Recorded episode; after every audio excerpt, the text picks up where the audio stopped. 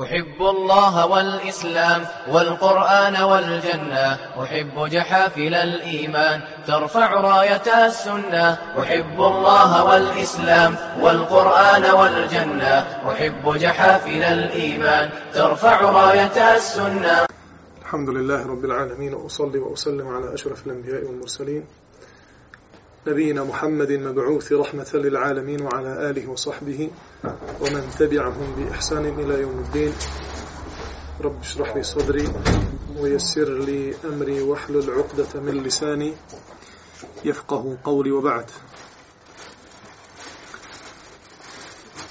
Sva zahvala pripada Allahu subhanahu wa ta'ala. Salavat i selam donosim na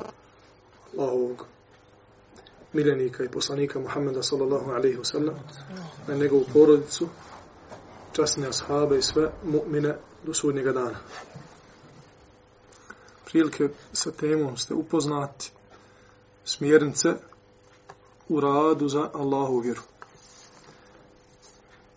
to mi je na um palo jer sam imao nekakve misli koje sam spustio na papir i želim samo da podijelim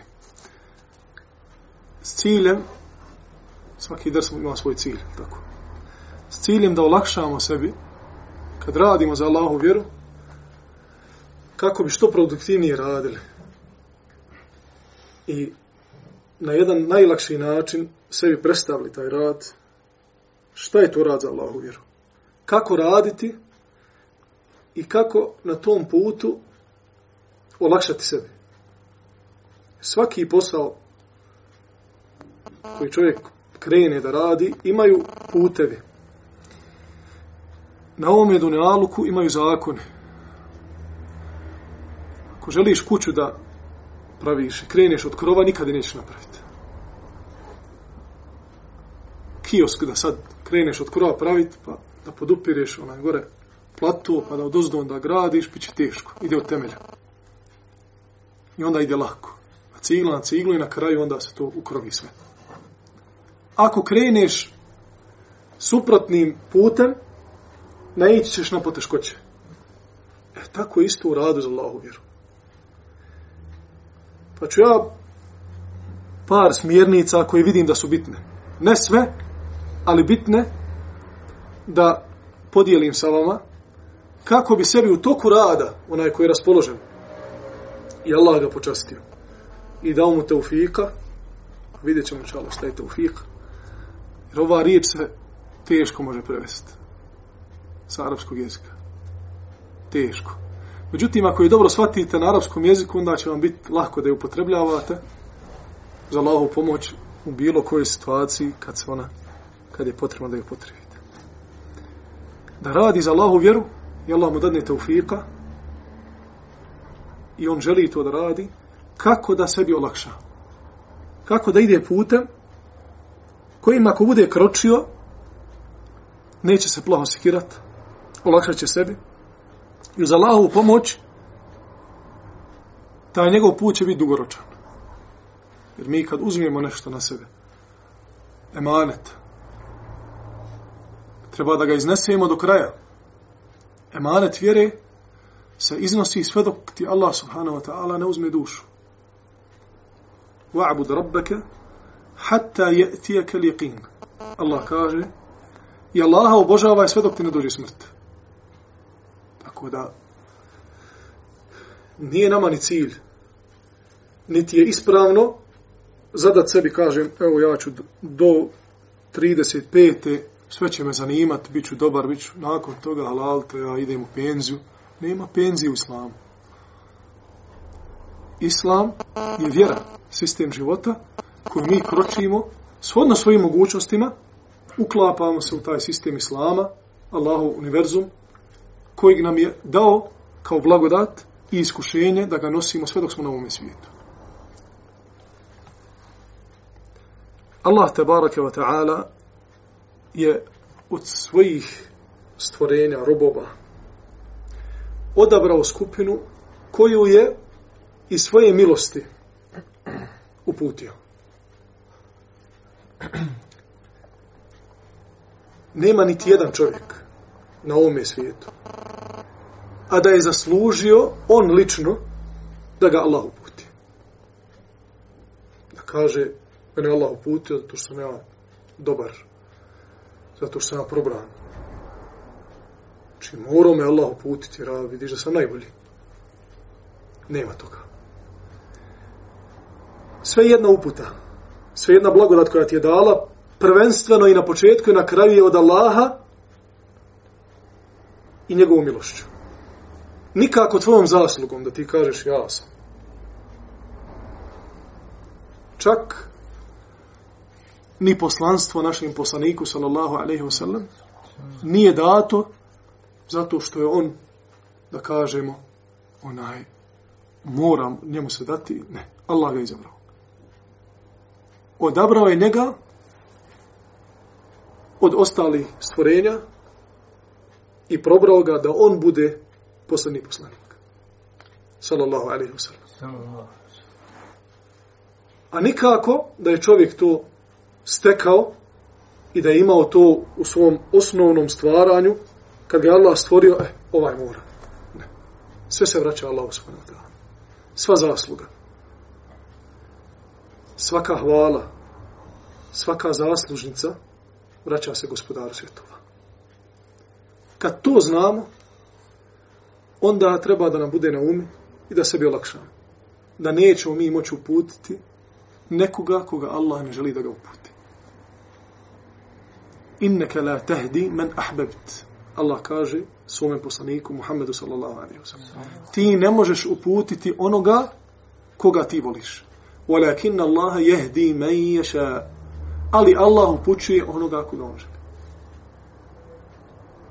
Tako da je na nama da pozivamo. Na nama je da damo sve od sebe na najljepši način, najispravniji, najdoličniji vremenu prostor da damo od sebe da pozovemo ljude u Allahu vjeru. Hoće da se odazovu Elhamdulillahi Rabbil Alamin. Neće to nije do nas. Onda prestaje ona tvoja vazifa.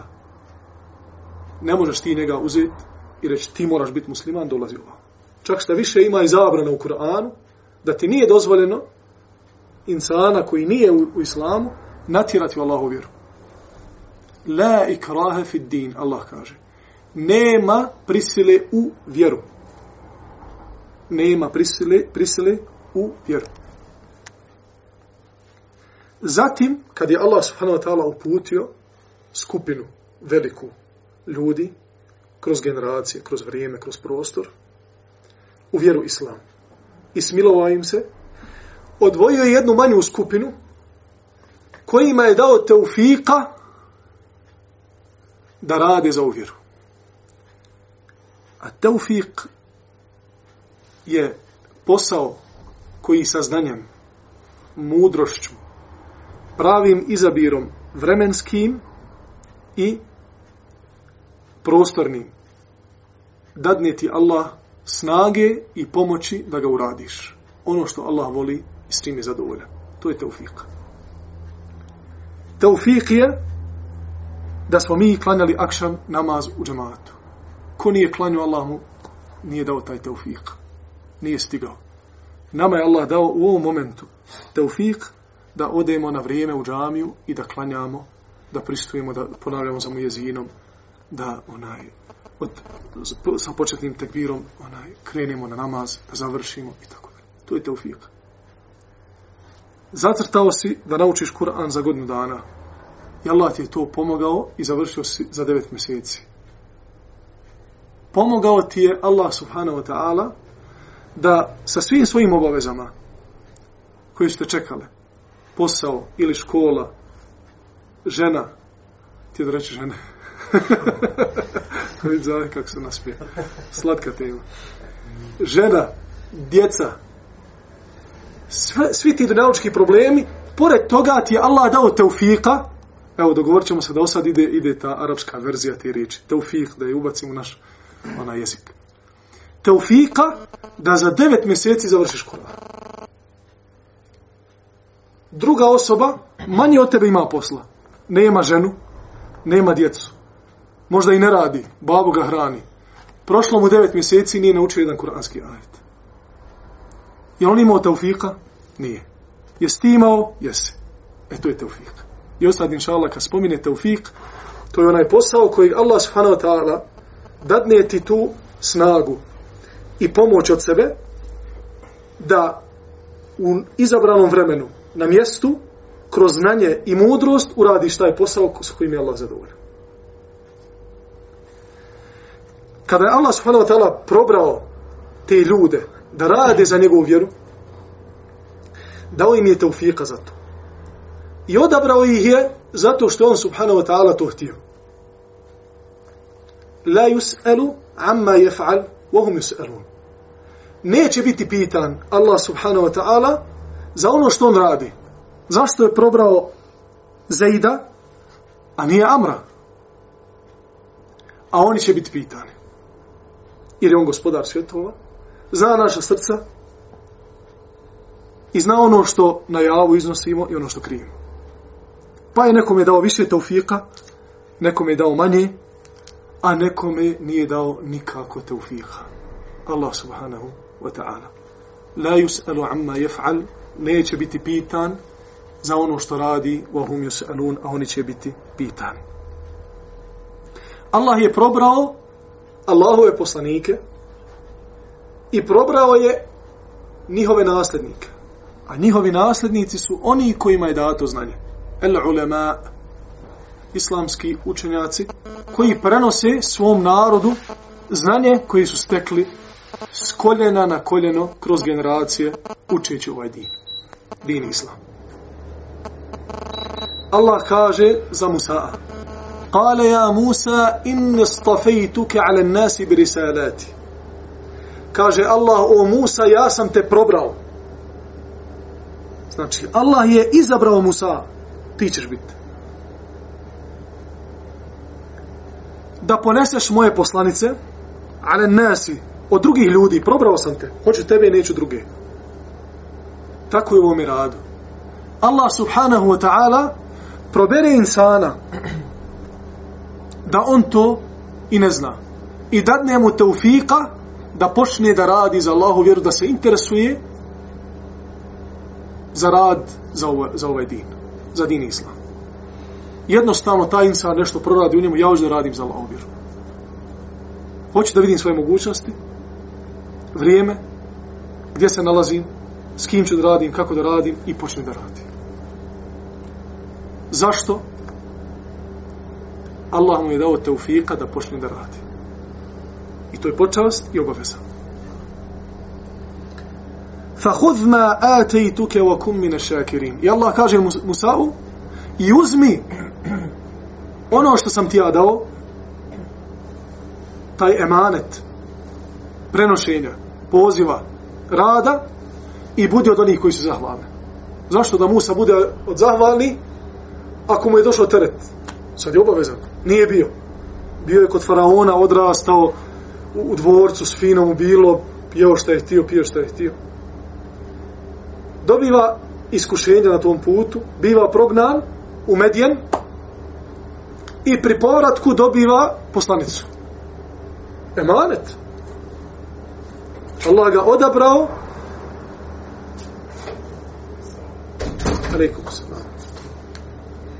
i obavezao ga emanetom da ide faraonu da ga pozove u islam. Kako će onda, što, što, na čemu da bude zahvalan?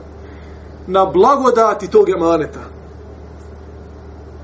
To je blagodat. Ta obaveza, taj emanet što si ti Allahov robe razumio, da trebaš da radiš za Allahov vjeru i krenuo si tim putem, to jeste obaveza ali je to blagodat sa kojom ti trebaš da se ponosiš uz Allahovu pomoć. I to treba da ti stalno bude gorivo na tome putu da tvoja jahalica ahiretska ide dalje da nikada ne stane.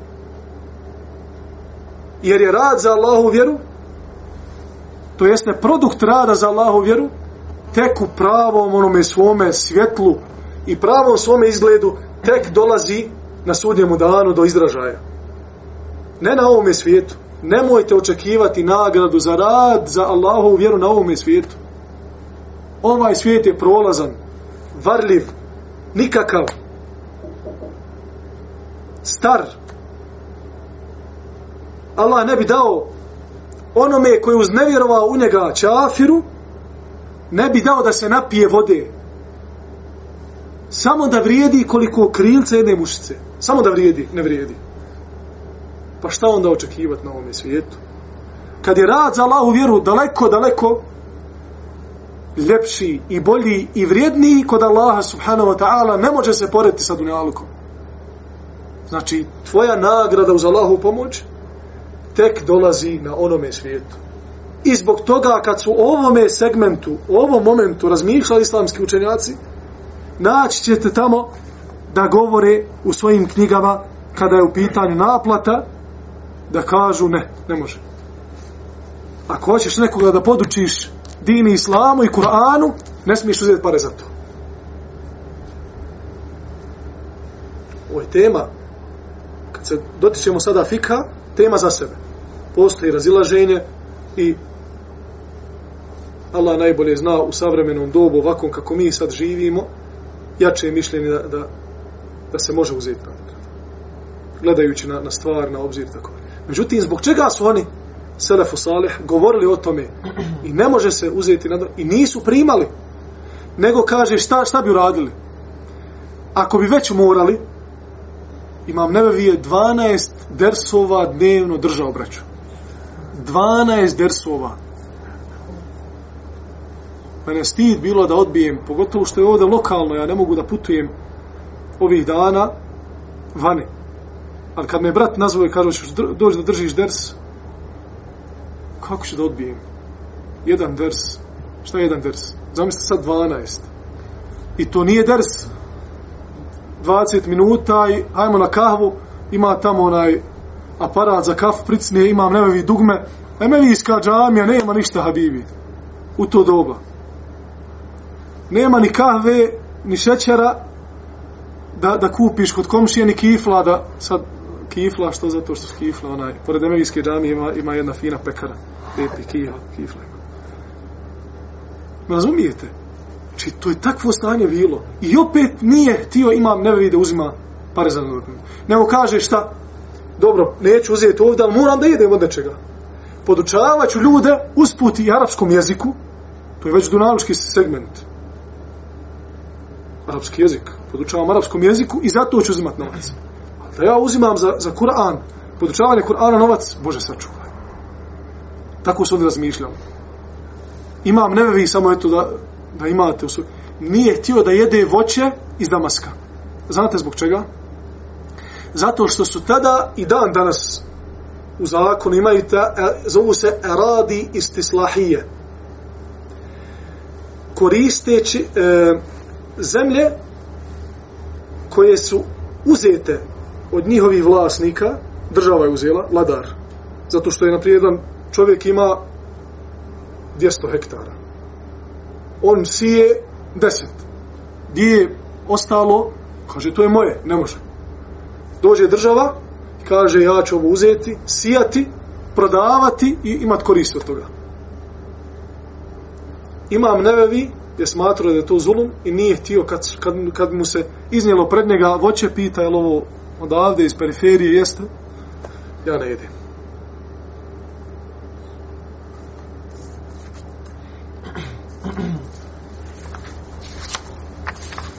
Znači, Allah subhanahu wa ta'ala je dao teufika određenoj skupini ljudi da pozivaju u vjeru, rade za nju.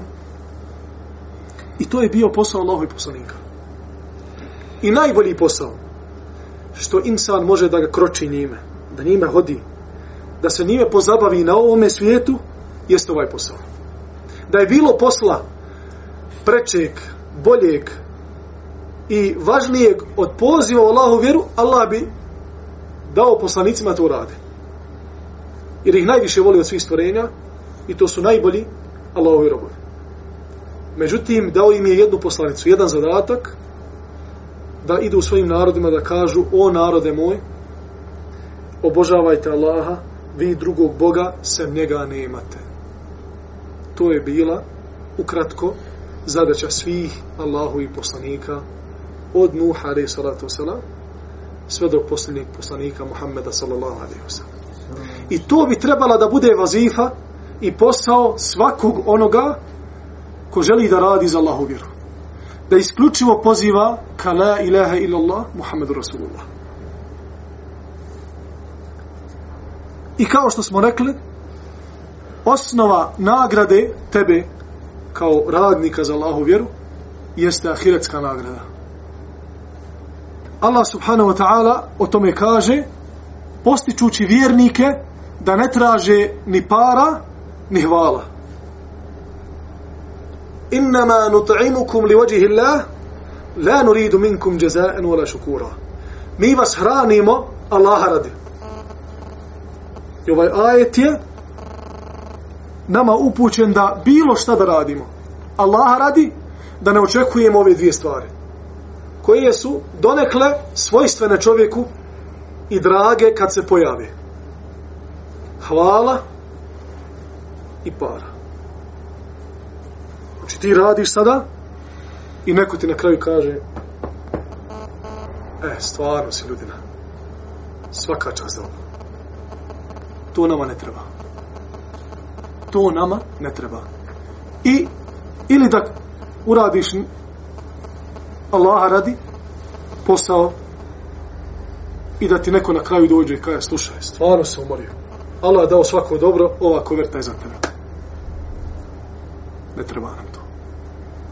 Hvala i para, to ne trebamo. Odakle crpimo snagu da nam to dvoje ne treba? Iz kuranskog ajeta innama nutaimukum li vajih Allah. Mi vas hranimo Allah radi. La nuridu minkum, ne želimo od vas džezaen, nikakvu korist, wala šukura, niti kakvu zavalu. To je pravi mu'min koji je iskreno krenuo da radi Allah radi i da Allahovom lice bude njegov cilj i Allahovo zadovoljstvo. I da na tom je putu ne gleda ni lijevo ni desno. Zamislite samo, evo da vam kažem jedan moment. Kao jedan lagan, lagan ispit koji ćete inša Allah svi položiti. Da vam sad kažem da sam pročitao u jednoj knjizi historijskoj da je Ebu Bekr radijallahu anhu i Omer radijallahu anhu došli poslaniku sallallahu alaihi wasallam i rekli mu mi ne možemo više rad za uvjeru. Stvarno, mi radimo, ali niko nit nam kaže hvala ti prijatelju, stvarno si onaj, dao si sav svoj metak, Omer ti izdao pola i metka, Allah te nagradio. Niko nam ovo ne govori, mi više ne možemo. Stvarno, mi smo očekivali da će nam ljudi izaći u susret, da će biti dobri prema nama. Hoćete mi povjerovati da sam ovo pročitao? Za Ebu Bekra i Omera. Zašto, zašto klimate glavom ne? Pa bolan. Ebu Bekri je radio za sebe, za svoj ahiret. I zato je u hadisu došlo da je nakon poslanika sallallahu alejhi ve sellem u ovom ummetu najbolji čovjek Ebu Bekr pa ne možeš povjerovati da je Omer došao u poslaniku i tako nešto rekao, zato što Omer al-Faruk, onaj sa kojim je Allah rastavljao istinu od neistine. Omer al-Faruk, koji kada bi išao dolinom, šeitan bi pobjegao na brdo. Kada bi se popeo na brdo, šeitan bi pobjegao u dolinu. Ne bi smio da ga sretne putem. I zamislite, sada dođe u našem dobu insani kaže hoću ja da budem na toj stazi. Ebu Bekra i Umara radijallahu anhuma wa ali sahabati ajma'in. Allah da se smiluje i bude zadovoljan sa svima sahabima Allahu poslanika sallallahu alaihi wa I kaže ja hoću da budem na tom putu i onda što kažu upola frke kaže ja ne mogu više onaj nit me ko tapše po ramenu a nema nikakve dunjaličke koriste od ovoga. Pa Allahu robe jer smo tako učili, jer tako piše, čitajmo siru, jedno veliko savjet, bratski, veliki posticaj i elan koji ćeš dobiti uz Allahu pomoć da radiš za ovu vjeru kroz siru. Čitajući životopis Muhammeda sallallahu alaihi wasallam i njegovih ashaba. I razmisli, nemoj ići brzo, da kažeš, eh, meni je sad zadatak da siru moram za 7 dana pročešljati, pročitati i da idemo na drugu knjigu. Ne, ostavi na, ostani. Ostani na jednom momentu ako treba mjesec dana. Jedan moment ti sire, ostani na njemu mjesec dana, razmišljaj o tom momentu kako bi ga shvatio i da taj moment kad ga dobro razumiš, da ti bude uz Allahovu pomoć svjetlo, poput ovih sijalica. Ilum, islamsko znanje, je poput sjelica na putu.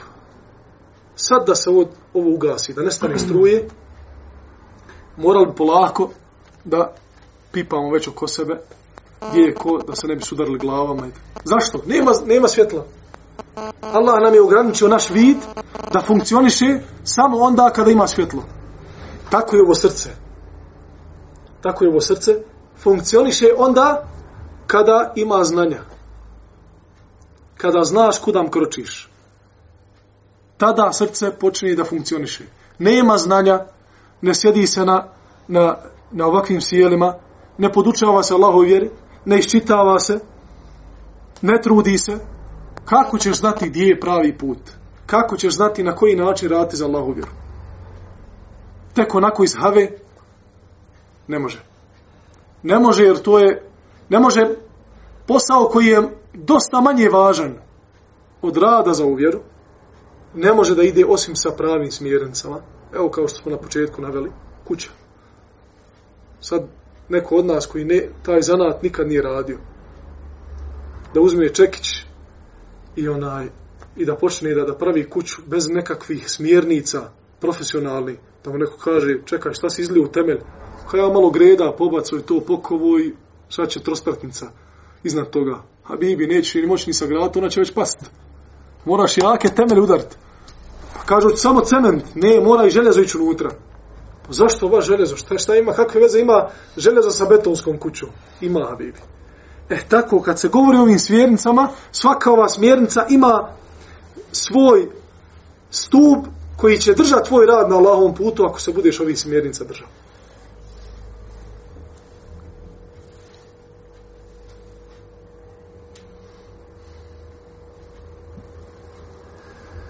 Zato je došla u kuranskom ajetu opasnica i za nas vjernike e, drz i, i, i, i, i, i ono na što treba obratiti pažnju jeste onaj moment kada su došli beduini Arab poslaniku sallallahu alejhi ve sellem i pregovorili mu na islam. Pa Allah o tome kaže: "A'udhu billahi minash shaitanir rajim, yamunnuna alejka an aslamu." prigovaraju ti zato što su islam primili. Kažu, mi primili islam, gdje je sad i meta, gdje je ono obećano, mi je došli, čuli da ćeš ti imat, eh, da će ti biti otvorene riznice i, i Farisa i, i Rimljana i da ćeš osloboditi i Šam i tako dalje. Gdje je sad to? Kul la tamunnu alaije islamakum. Kaže Allah, recimo poslaniče, nemojte meni prigovarat za islam. Bel illahu yamunnu alejkum an hadakum lil islam in kuntum sadiqin. Allah vama prigovara. Pa šta vam je pa uputio vas da se spasite na ovom i na ovom svijetu? Ako ste iskreni i ako istinu govorite, shvatite ono što vam se želi reći ovi. Tako da je vrlo opasno da insan ima kod sebe to da prigovara kad nešto radi sad mi imamo nekakav biznis zajednički i dogovorimo se da ćeš ti do podne raditi, a od podne do, do akšama. Ja ti ne dođem sedam dana, ti jadni kod sablaha do, do akšama radio. Imaš pravo da im prigovoriš. To je dunjalučki onaj posao, mi smo se dogovorili, imam od, to, od, to, od toga za, zaradu, ti mi kažeš, a vi bi deseti sedam dana, niti si me nazvao ništa, imaš pravo da, da prigovoriš na tome. Ja radio za tebe. Međutim, shvatio si ovu poruku, i želiš da radiš za Allahu vjeru, Allah radi, nema prigovora. Nema prigovora. Zašto ja ovo radim, zašto ne radi neko drugi? Treba da ispitamo svoj nijet i da samo radi uzvišenog gospodara svetova sve, sve radimo što nam se traži, što traži se od, od nas u ovoj lijepoj vjeri islamu. Dobro, šta je to rad za islam? šta se, to, šta se može nazva, nazvati radom za islam. Svaki posao kojeg Allah subhanahu wa ta'ala voli i koji će učiniti da Allahova riječ bude gornja je posao za, je rad za Allahu vjeru. Bio to u našim očima mal posao ili malo dijelo ili ogromno, veliki projekat – to se sve zove radom za Allahu vjeru. Neko stane na čošku ulice, uzme 20 letaka i 20 prolaznika, a smije im se, kaže, izvolite, onaj, imam nešto da vam poklonim, islamski materijal i ode nakon toga kući. On je htio, zanijetio, tako je bar trebao, kad krene u svoje kući, kaže gospodaru, ja sam uzeo da nešto od znanja kojeg si ti objavio svojim robovima, da potome idu i da se po njemu vladaju, ovdje je napisano. Ja idem da to podijelim svome narodu kako bi oni znali i krenuli ovim putem i ne bili se pokajali. I ti odeš to podijeliš i vratiš se svoje kuće. Ostaju si možda pola sata, ali si radio za lavu vjeru. I tako to ide. Neko je upalio svoje auto, odvezao braću na ders. Neko je uradio neki izmet, nekom siromahu, neko je ovo. Da li to bio organizovan rad? Ili kao pojedinac? Nema to nikakve veze. Ashabi su znali raditi zajedno. Dogovore se, idu zajedno. Često su to bile bitke. Često su to bile bitke kada bi oni, znači zajedno sa poslanikom, sallallahu alaihi wa sallam, a i nakon smrti poslanika, sallallahu alaihi wa sallam, organizovali išli u boj nisu od ono u Medini, treba ići tamo onaj, sa Rimljanima ratovati, ono svako uzme ja, ali su jedan pođe posle sabaha, jedan posle podne, hajde kad se naspava. Nije, nego su organizovano. Idemo tad i tad, tu ćemo sjesti, ti, ti će nam biti emir, ti ćeš nam, bit, ti će nam sipat vodu. Znali su sve. Imali. Bilal, radi Allahu anhu, ona će nas buti na saba, ovaj će nam urati ovaj, tako dalje. To je sve, sve se znalo tako i mi. Možemo da radimo organizovano, da se dogovorimo, da idemo Allaha radi, da pomognemo narod, na primjer, izbjeglički koji se vratio na svoja ognješta u podrinje.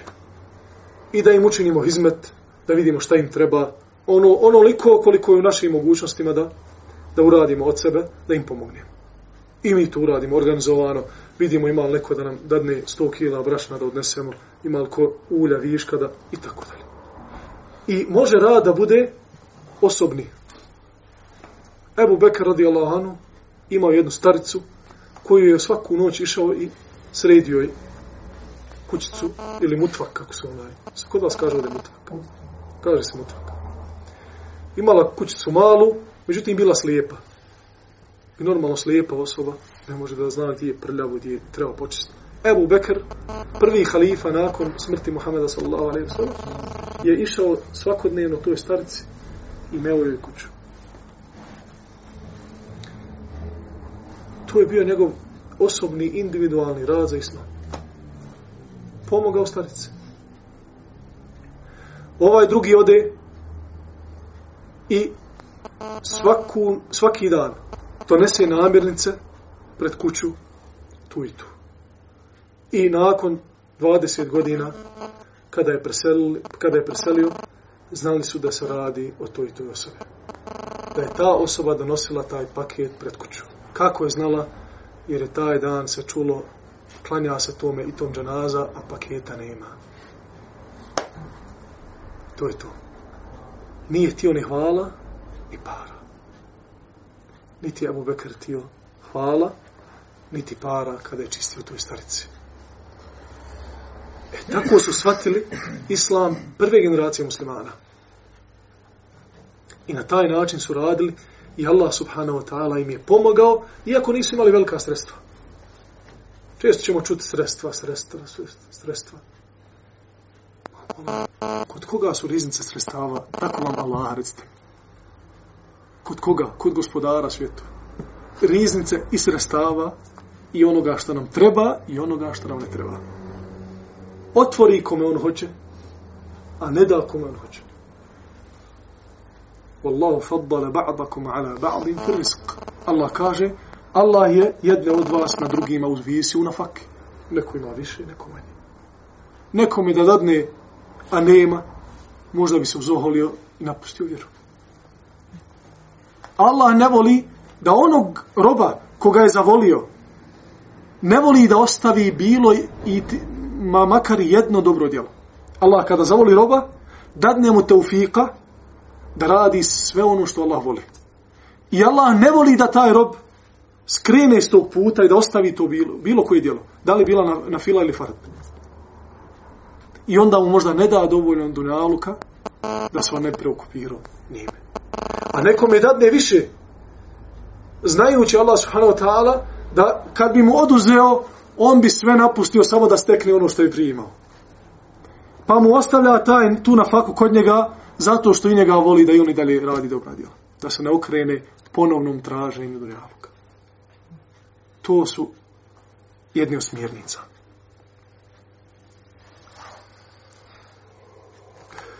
podkrijepit ćemo hadisom koji se nalazi u dva sahiha, gdje kaže poslanik sallallahu alaihi wasallam, eh, hadis prenosi Ebu Musa Mešari, plemeniti ashab, da je Beduin došao poslaniku sallallahu alaihi wasallam i rekao mu, šta je to borba na lahom putu? Da li je borba na lahom putu da čovjek izađe da bi se pokazao? Pokaže, vidi načine ili je borba na Allahome putu da čovjek izađe radi ratnog plina. Da jednostavno hoće da se borim, da bi na kraju, pošto idemo da onaj, napadamo na Perzijance, čuli smo tamo imaju dvori, imaju zlata, idem tamo da se borim. I tako on njemu kaže. Znači sve mu je ovo dinaločke razloge naveo kako bi se čovjek borio i da to kao bude borba na Allahovom putu. Da na onome svijetu imaš deređu ređu borca na Allahovome putu. Kaže poslanik sallallahu alaihi wasallam. Allah poslanik sallallahu alaihi wasallam bi odgovarao sa malo riječi, a bilo bi u tome puno značenja. Nije mu sad rekao, onaj koji izađe radi ratnog plijena, nije. Ali onaj koji izađe, ne. Kaže, men katele. Odmah mu je dao definiciju.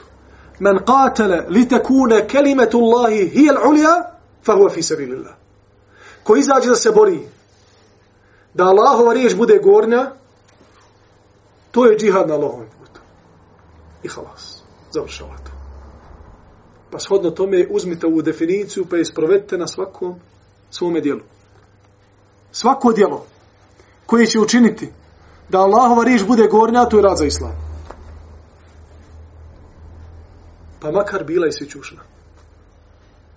Pa makar ti kao musliman dao svome komši prednost u putu, prolazniku, pješaku da pređe ulicu, da on kaže, a maša Allah, vidi onih muslimana kako su parlamentarni. I tako treba. Da oni vide od nas da smo mi korist i samo korist ovome narodu i svim drugim narodima. Jer musliman je opće karaktera. Ne gleda gdje, gdje god da padne, kao kiša. Gdje god se spusti kiša, ona je od koristi da li se spustila u Brazilu ili u Bosni ili u Mekki ili u bilo kojem drugom mjestu. Kiša od koristi. Svi kažu maša Allah. Evo kiše. Sad ćemo se koristiti. Takav je i musliman. Poput kiše koja kada padne dadne svoje plodove i bude od koristi. Ili zalije voće i povrće i ono što raste od čega se ljudi koriste ili ode u dubinu pa kasnije se vrati kroz kamenje očisti se i bude slatka i bitka za, za piće da ukrepi ljude i hajmana. Također u, u radu, pogotovo u zajedničkom radu, koliko već pričamo? 40 minuta. 40 minuta. Ovo ćemo ovo na dva dijela. A pa dobro, ima... Nahajer, nahajer, aj sad ću ovo malo skratiti. U zajedničkom radu treba da se zna ko šta radi. I poslušnost je jedna od odlika muslimana. Da bude poslušan. Ako će neko podkrijepiti e, suprotno mišljenje, pa reći nema pokornosti, je miro, osim u tri stvari, odgovaramo da islam nigdje nije naredio javašluk. Niti anarhiju. Niti onako pusto, da čovjek bude pust. Ko, ko ona, onaj, e, e, divlja koza, a ne može ufat. Nigdje to nema u islamu da piše. Tako da nas Kur'an, načela islama, namaz u vaktu, akšan u to vrijeme, jaci u to vrijeme, dotle se jede, da ovdje se pije, nema crte, sve crte. Razumiješ? Tad je hađ, u tim danima. Dođeš na Arafat, prvi dan Bajrama, halale usom. Nema od Arafata ništa, dolazi sljedeće godine. Zašto? Profulio se taj dan. Tako da nam sva načela Islama govore o tome da ima reda. Nema u Islamu, dogovorimo se nešto, tebi preko noći prahne, dođe ti onaj, ne, nekakve, nekakve misli, ti ujutru nazoveš, kažeš, znaš šta je, na pa meni se ne radi, ja sam čuo hadis da nema, nema pokornost, osim tri situacije, nismo na putu, nismo u džihadu, nisi mi kakav ti predpostavljeni emirni halifa, neće ti niko reći da ti iseliš iz Bosne u Endelus, da ideš tamo da budeš onaj izaslanik, kao što bi halifa mogo. Halifa kad ti dođe i kaže, slušaj, ti trebaš sad da ideš da živiš u Španiju. Sema'nu ta'a. Čujemo i pokoravamo se. Nećete niko to reći. Međutim, dogovorimo se da treba nešto raditi za vjeru. Od odlika i od onoga što će biti proizvod da, inša Allah, ta'ala, uspije naš rad za Allahu vjeru, jeste da se zna ko pije, ko plaća, ko, onaj, ko upravlja, da se sluša. Evo, malo prije smo pričali kako su ovaj, Turci organizovan narod, kako se zna kod njih. I baš zato što se zna, uspijevaju. Međutim, onog trenutka kada to ne zna se, pa mi ćemo, ajde vidit ćemo, gdje je puno baba, kilava su djeca. Puno snaha, ne zna se ko soli čorbu, presoljena čorba ili nije slana nikako. Devet snaha bilo u kući, sve jedna kontala da je ona druga posolila gra. Radnici rade, 20 radnika na kući. Došli da jedu, ne može niko da proguta ni na šta ne liči grad. Drugi put pristavili, veli i sad neće me propust, ima da poslali mi to dobro. Sve devet snaha poslalo grad. Nisu komunicirali. I ovo je vrlo važan moment, braću. U radu za Allahu vjeru, komunikacija među nama. Sve jedan problem se može riješiti. Nema problema na dunjaluku, kao što kaže poslanik sallallahu alejhi ve sellem, ma enzelallahu min da illa wa nazala lahu dawa nije Allah spustio ni jednu bolest, a da nije za nju dao lijek. Tako i za svaki problem dunjalučki postoji rešenje. Taj modus se nađe i može se vrlo lahko pronaći u komunikaciji. Međutim, ne komunikacija, uvijek ružne misle, evo ovaj misli u mene ovako, on je ušao sad tu prije mene zato što će ono, ma nemoj, pusti šeitano da te, da te drobi, habibi, nego sjedi s tim bratom, imaš nešto da mu kažeš, u lice, brate, dragi zovni ga, popij kahvu, ti iđi zadnje dvije marke, reci imam to i to, nije mi jasno kod tebe. Hajde da to riješimo. I često takve komunikacije na kraju proizvedu jedno fino prijateljstvo, razumijevanje, e, ljubav i tako dalje. To je tako to je tako i sa radom za islam. Također rad za islam nema svoje vrijeme. Rekli smo nema penzije, penzije u islamu. Ebu Bekr radijallahu anhu je primio islam u 42. godini svoga života. I radio za islam o najbolje kako se moglo raditi do kraja svoga života. Većina nas nije navršila ni 40, a kamo da smo počeli sa 42. Tako da priča o tome i govore, eto ja sam 40 navršio, ja sad odo polako kući onaj, gledat u ruže, da mi bude sve fino, onaj, nekakva ta eh, terapija, onaj, zelenila i tako dalje ne, nema toga, gdje je to zapisano? Nema toga u islamu. Ako se radi Allaha, a, a, radi Allaha radi, radi se sve do momenta kada ti duša izađe. I ovo krepimo iz događaja koji se desio Omar radi Allahanu kada je proboden od strane Perzijanca na sabah namazu i bio na smrtnoj postali dolazi mladić, mlad, ono, ko kod nas sad tinejdžeri, dolazi da posjeti Omer radijalahu anhu, da mu prouči dovu za ozdravljenje. I kada se okrenuo, Omer pogleda u njega i zapazi da se obukao tinejdžerski. Kaže mu, dođi nazad. On se vrati. Podigni malo pantalone, kaže. Omer na samrtnoj posteli. Radi za islam. Budi se drugi moment pred smrt. Budi se iz kome? Proboden. Krv. Unutrašnje krvarenje. U kome bio? Budi se namaz. Jeste obavili namaz? Sve u redu. Je li ko klanio? Ne pita koliki je rez, se moći to zaštiti. Razumijete? Tako da nema da se kaže, eto ja sad idem na odmor, mene ovo ništa ne interesuje, predo sam, hvala Allah, kad sam se kutarisao. Čega? Rada za islam? Ako tako razmišljaš, Allah dao svako dobro, ali ima moment kod tebe koji je bolestan, liječi ga. A rekli smo, nema bolesti, a da za nju nema lijek. Na kraju bi se osvrnuo na ono što najviše može da razori rad za Allahu vjeru, pogotovo kažem zajednički rad, a to je ovo, jezik. Kada je poslanik sallallahu alaihi wasallam Mu'ad ibn Džabelu govorio o stvarima koje su vrlo bitne, došao je rekao mu, ja, ja Mu'ad, ena uhibbuk, Mu'aza ja te volim, dođe ti kažem nešto. I onda mu govorio precizno i detaljno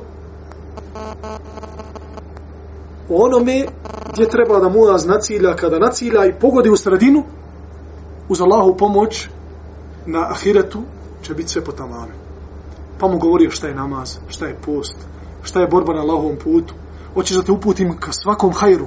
Hoćeš da ti kažem ovo, hoćeš da ti kažem šta je krov islama. Sve na kraju mu kaže, pazi, ima jedan moment, moraš ga se posebno čuvati.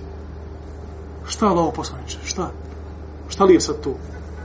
pa je poslanik sallallahu alejhi ve sellem izvadio jezik napolje, uzeo ga ovako kaže kuf alejka hada pazi se ovoga kaže mu nas znači ćemo biti pitan za ono što pričamo po, pa, što fali kafica u onog brata da se vidio kaže da.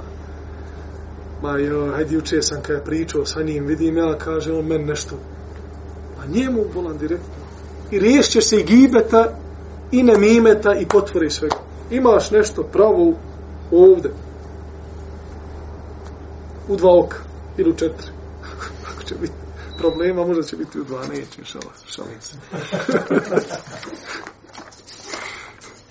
kaže, kufa arike hada.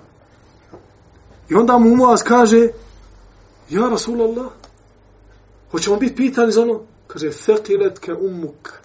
A kad kaže poslanik sallallahu alejhi ve selleme nekome fekiletke umuke majka te ne imala ili nešto slično što bi se što bi smo onaj možemo da primijetimo u hadisima da bi nekada poslanik sallallahu alejhi ve sellem upotrijebio tako je nekakav izraz koji u osnovi čekaj ne majka te ne imala to je bio Allahov rahmet kada poslanik sallallahu alejhi ve sellem nekome kaže nešto slično kada bi rekao da shaba to bi značio Allahov rahmet I on bi tada dobio za njega, a ne protiv njega. Zato što je oma arsalnaka illa rahmetan lil alamin, kaže Allah za poslanika nismo te poslali, osim da budeš rahmet i milost svim svjetovima. Sallallahu alaihi wasallam.